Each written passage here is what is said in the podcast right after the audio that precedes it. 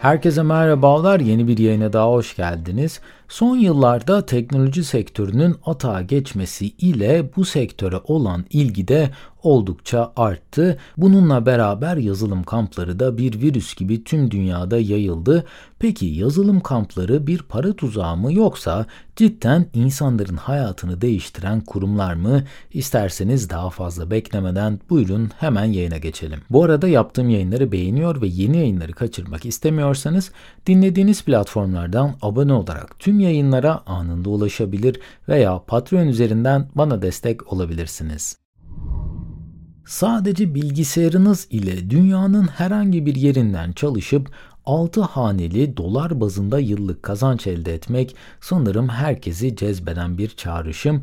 Ben daha önce bir yazılım kampına katılmadım fakat kendi başıma bu yazılımı öğrenmek adına 6 ay kadar bir süre ayırdım bu yayında hem bu zamandaki tecrübelerimi sizinle paylaşacağım hem de yazılım kamplarının artı ve eksi taraflarını yapılan son araştırmalara bakarak beraber değerlendirelim istiyorum. 2022 yılında Amerika'da yapılan iş yerlerini ve çalışanların işe olan bağlılıklarını ve mutluluk düzeylerini ölçen bir rapora göre her 10 kişiden 6'sı yaptığı işi sevmiyormuş. Bu oran dünya genelinde de aslında bakıldığında neredeyse aynı ve bu kadar işini sevmeyen insan için 6 aylık bir yazılım kampı harika bir kurtuluş yöntemi gibi görünebilir. Yazılım kamplarının hepsi kötüdür veya hepsi harikadır gibi net çıkarımlar yapmadan önce bu kurumları farklı farklı kategorilerde değerlendirmeye bir başlayalım. İlki iş bulunca ödersin metodu. Genellikle bu tür kurumlar çok ucuz eğitimler sunmuyorlar. Özellikle sınıf içerisinde ve haftalık yoğun bir eğitim programı olan yazılım kurslarından birini tercih edecekseniz yüklü bir ücret ödemeniz gerekebilir. Çoğu kişinin bu eğitimle iş bulup bulamayacağından emin olmadığı böyle bir durumda öğrencilerden yüksek ücret talep etmek bu iş modeli için çok da doğru bir adım olmuyor ve çözüm olarak da eğer iş bulursam bize ödeme yaparsın planı ortaya çıkıyor.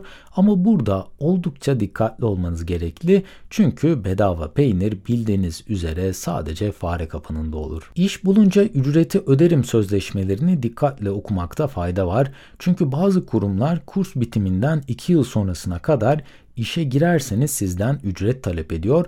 Kimileri bu süreyi çok daha uzun tutuyor. Kimi kuruluş ise yazılım alanı dışında dahi iş bulsanız sizden para talep edebiliyor ya da maaşınıza haciz dahi getirebiliyorlar. Yeni bir iş öğrenme sürecine girmenin verdiği heyecan ve mutluluk ile sözleşmede yer alan çok ufak karakterlerle yazılmış bu tür maddeler hayatınızı kabusa çevirebilir. Bu her kuruluşun adil olmadığı ve buradan para koparmaya çalıştığı anlamına tabii ki gelmiyor. 2022 yılında 289 kişinin bilişim alanında iş bulamamasına rağmen imzaladıkları sözleşmelerdeki bazı maddeler yüzünden maddi varlıklarına haciz kararı verilmiş. Bazı kuruluşlar size imzalattıkları geri ödeme planını şirket içine gelen bir varlık olarak gösterdiği için de eğer eğitim aldığınız kurum batarsa işin ucu size kadar gelebiliyor. Fakat bu tür hilelere tabii ki yine her kurum bulaşmıyor.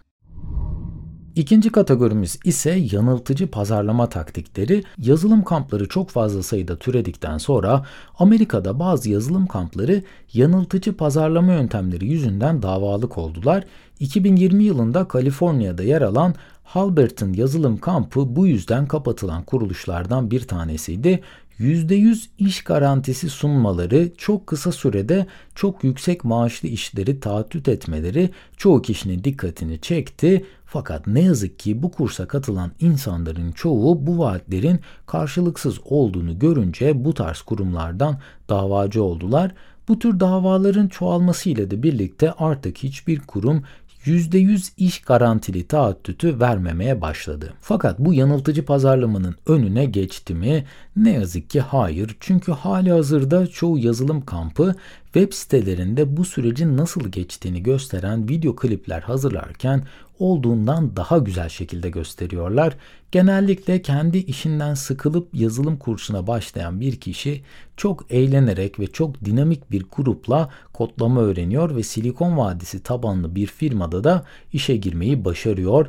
Ardından da mezun olup iyi yerlerde işe girmiş eski öğrencilerden gelen yorumları bu web sitelerinde ya da tanıtım filmlerinde görebiliyorsunuz. Peki bunların hepsi tamamen yanlış bilgilendirme mi?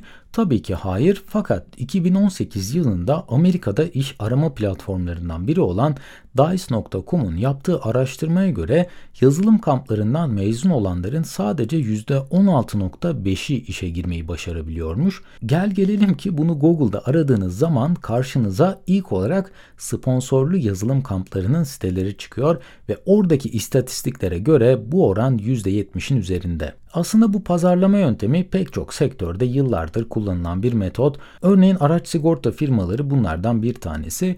Çünkü sizin aylık olarak ödediğiniz para aracınızın tüm değerini belki 20 belki de 30 yılda dahi çıkaramaz iken bir kazadan sonra sigorta firması sizin tüm masraflarınızı karşılıyor.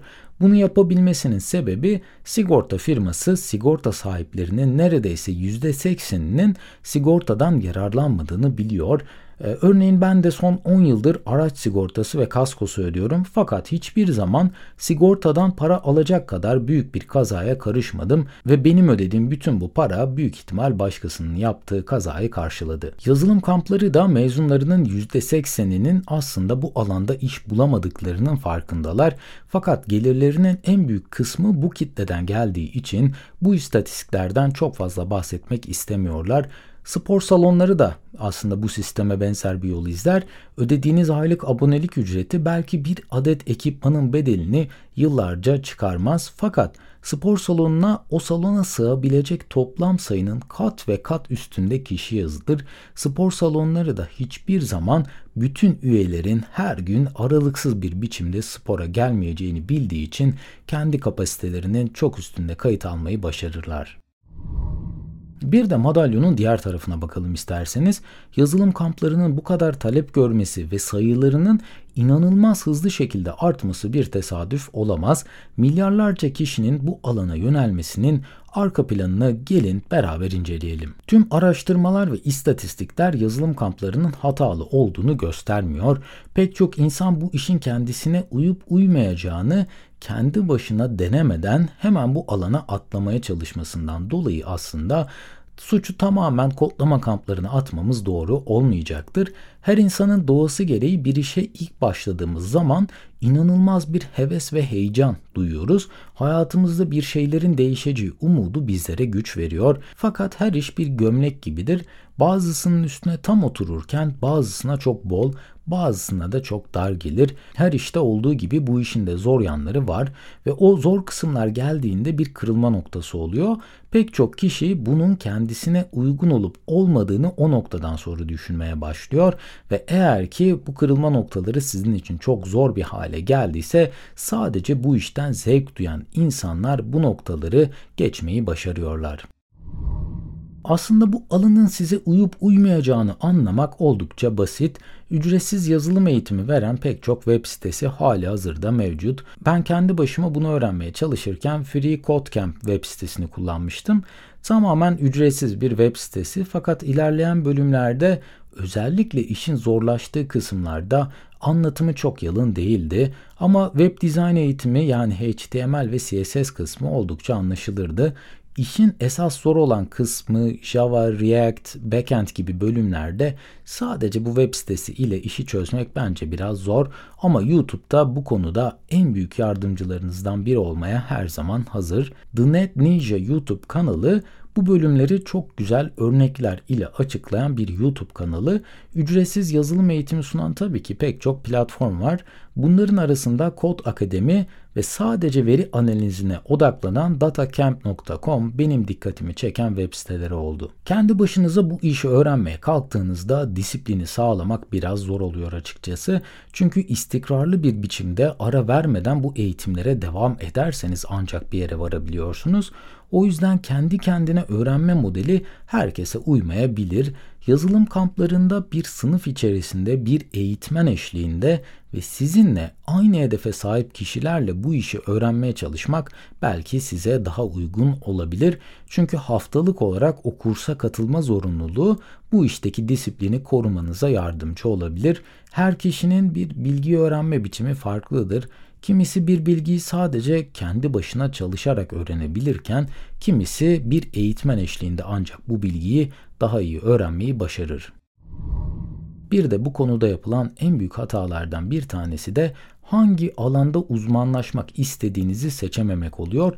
Yazılım çok geniş bir alan ve buradaki her şeyi öğrenmek ne yazık ki sizi bu işten soğutabilir. Keza hiçbir firma bu alanda her şeyi bilen ve daha bu işe yeni atılmış birini aramıyor. Örneğin web tasarımcısı, backend geliştiricisi ya da veri analizcisi birbirinden farklı alanlarda işler ortaya koyuyorlar. Belki yazılım çatısı altında hangi alanın size uyduğunu anlayabilmek için farklı kategorileri inceleyebilirsiniz. Fakat şahsi tavsiyem bir alan belirleyip o alanda çok iyi olmaya çalışmak ve uzmanlaşmak daha rahat iş bulmanızı ve o alana daha fazla hakim olmanızı sağlayacaktır. Her şeyi öğrenmeye çalışanlar ise hiçbir alanda tam olarak gelişemeyecekleri için bütün bu yükün altında çok hızlı bir biçimde ezilebilirler.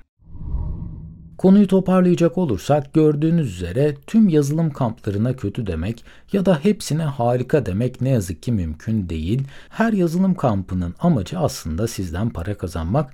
O yüzden eğer ki bu yola girecekseniz bahsettiğim üzere sözleşmeleri çok iyi okuyup anlayın ve bu işe dalmadan önce en azından birkaç haftada olsa kendi başınıza bu işe bir göz atın ve size uygun olan bir dal olup olmadığına karar verdikten sonra bu adımı atmaya başlayabilirsiniz. Bu bölümde yazılım kamplarının hem iyi hem de kötü yönlerini inceledik ve bu yola girmek isteyenlerin neler yapabileceğini tartıştık. Umarım sizlere faydalı bilgiler sunabilmişimdir. Bu arada tüm yayının yazılı metnine ve yayında kullandığım kaynaklara açıklamalar bölümündeki link üzerinden ulaşabilirsiniz. En kısa sürede yeni yayınlarda görüşmek üzere. Kendinize çok iyi bakın. Hoşçakalın.